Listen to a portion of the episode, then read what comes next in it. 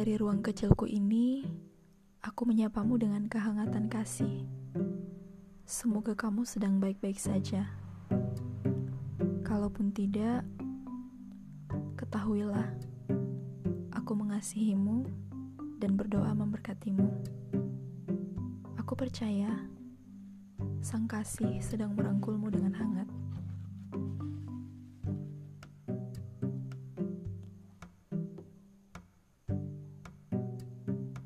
Saya percaya dan teramat percaya bahwa pelangi itu indah. Dia yang dibangun dari keragaman warna, perbedaan kontras, dan makna yang berbeda. Keindahannya dinikmati oleh sepasang bola mataku dan matamu, diterjemahkan oleh otak, dan dinyatakan oleh mulut ketika kita bergumam, "Wow!" So beautiful. Hmm, inti nalarku sekarang bukan tentang pelanginya ya, tapi tentang keragaman yang menciptakan keindahan. Kamu dan aku tahu, bahkan terlalu tahu, bahwa tidak ada satupun hal di dunia ini yang sama, baik bentuknya ukurannya, kualitasnya, dan lainnya. So, let's talk about how to learn by different.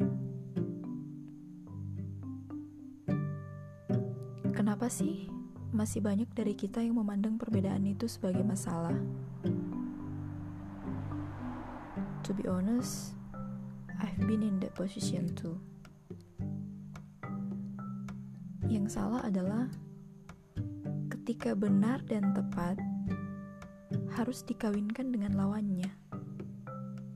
Itu merugikan, bahkan mencelakakan. Tapi kalau warna kulit berbeda, bertemu di atas pelaminan yang sama, apa salahnya?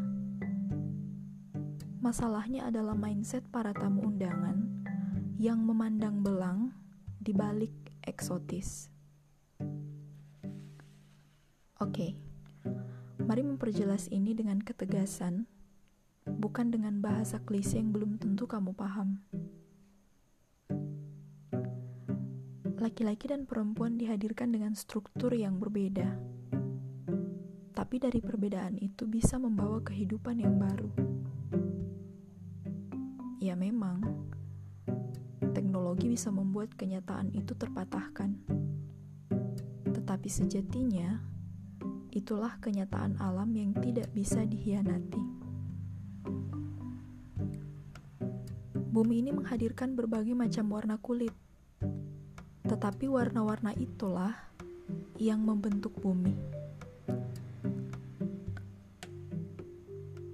Kalau kita tidak bisa memandang ini, maka fix kita hidup dalam cangkang yang primitif. Agama-agama hadir dengan refleksi berbeda dari setiap renungan yang melahirkannya. Bukan untuk mengacaukan, tetapi mendamaikan. Bukan agamanya yang salah, tapi terkadang pemeliharaannya yang menggunakan cairan berlebih yang berujung pada kerusakan inti ajarannya. Well, aku berharap kamu paham maksudku.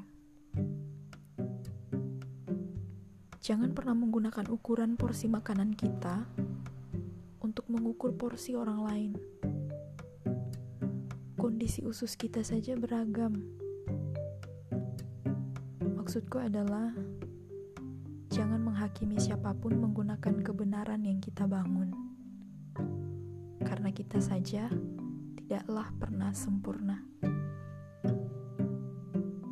Aku tahu ini tidak mudah, tetapi lebih baik mencoba daripada menjadi bodoh sepanjang hayat. Ya, kita adalah makhluk-makhluk tak beradab kalau kita masih memandang perbedaan itu sebagai masalah.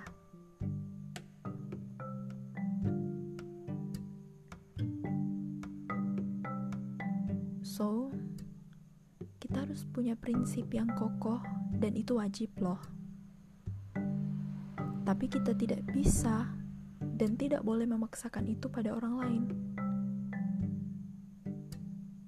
Hiduplah dengan prinsip yang engkau yakini tanpa harus toleran pada prinsip orang lain. Tapi rangkullah raga mereka dengan tulus dalam bingkai kasih tanpa memandang perbedaan yang nyata di ujung matamu. Be wise and be blessed ya.